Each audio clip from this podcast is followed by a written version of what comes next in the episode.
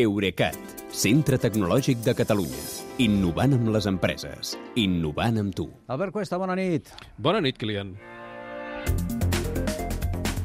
D'entrada, deixem-ho personalitzar una mica, això. Com, com t'has passat aquest primer dia de mobile? Ha anat bé? Uh, aviam, jo m'hauria de mirar amb distància, però la veritat és que quan hi he arribat a la fira gairebé m'hi he emocionat.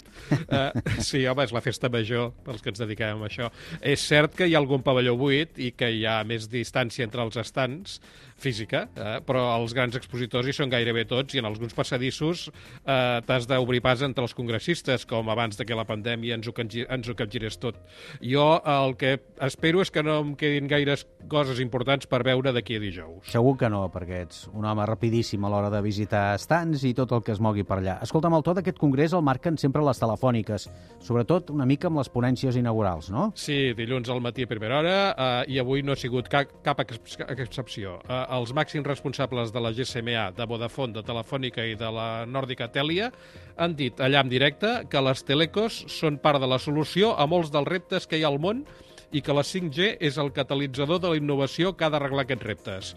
I els presidents de les tres telefòniques xineses, aquests ja ho han fet en vídeo des d'allà, des de casa seva, han dit que ells, tota aquesta tecnologia i aquestes aplicacions, si fa no fa, ja les tenen.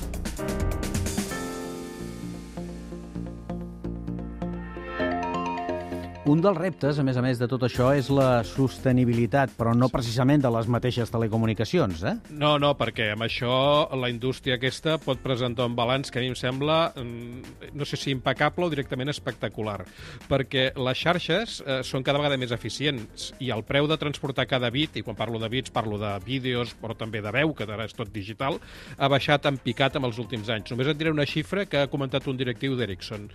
Cada vegada consumim més dades, però amb el mateix temps que el trànsit d'informació s'ha multiplicat per 300, el consum d'energia de les xarxes només ha pujat un 64%, o sigui, s'ha multiplicat per 1,64. I diu que encara ho volen millorar.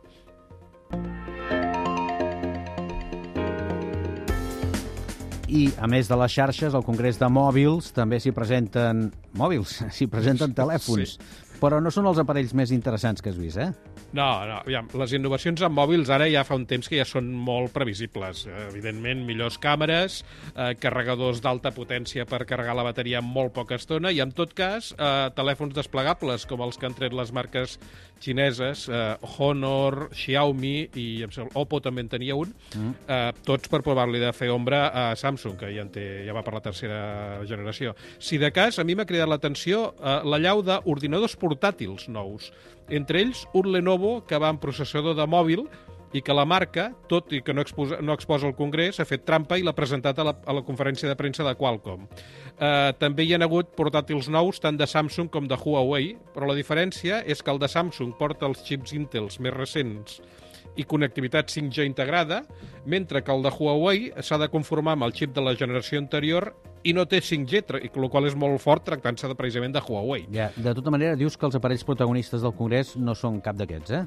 Uh, no, són els que s'anomenen CPE, que són les sigles de Consumer Premises Equipment, però que en realitat bueno, són uh, uns receptors uns que es connecten a internet mòbil per 5G i que distribueixen la connexió als ordinadors i altres aparells de l'oficina o la llar per xarxa Wi-Fi. Eh, són l'alternativa pels llocs on no és rendible posar fibra òptica a, a mesura que hi vagi havent cobertura 5G en zones rurals, serà la solució per tenir allà també internet d'alta velocitat. Ara només faltaria que s'ampliï aquesta cobertura 5G.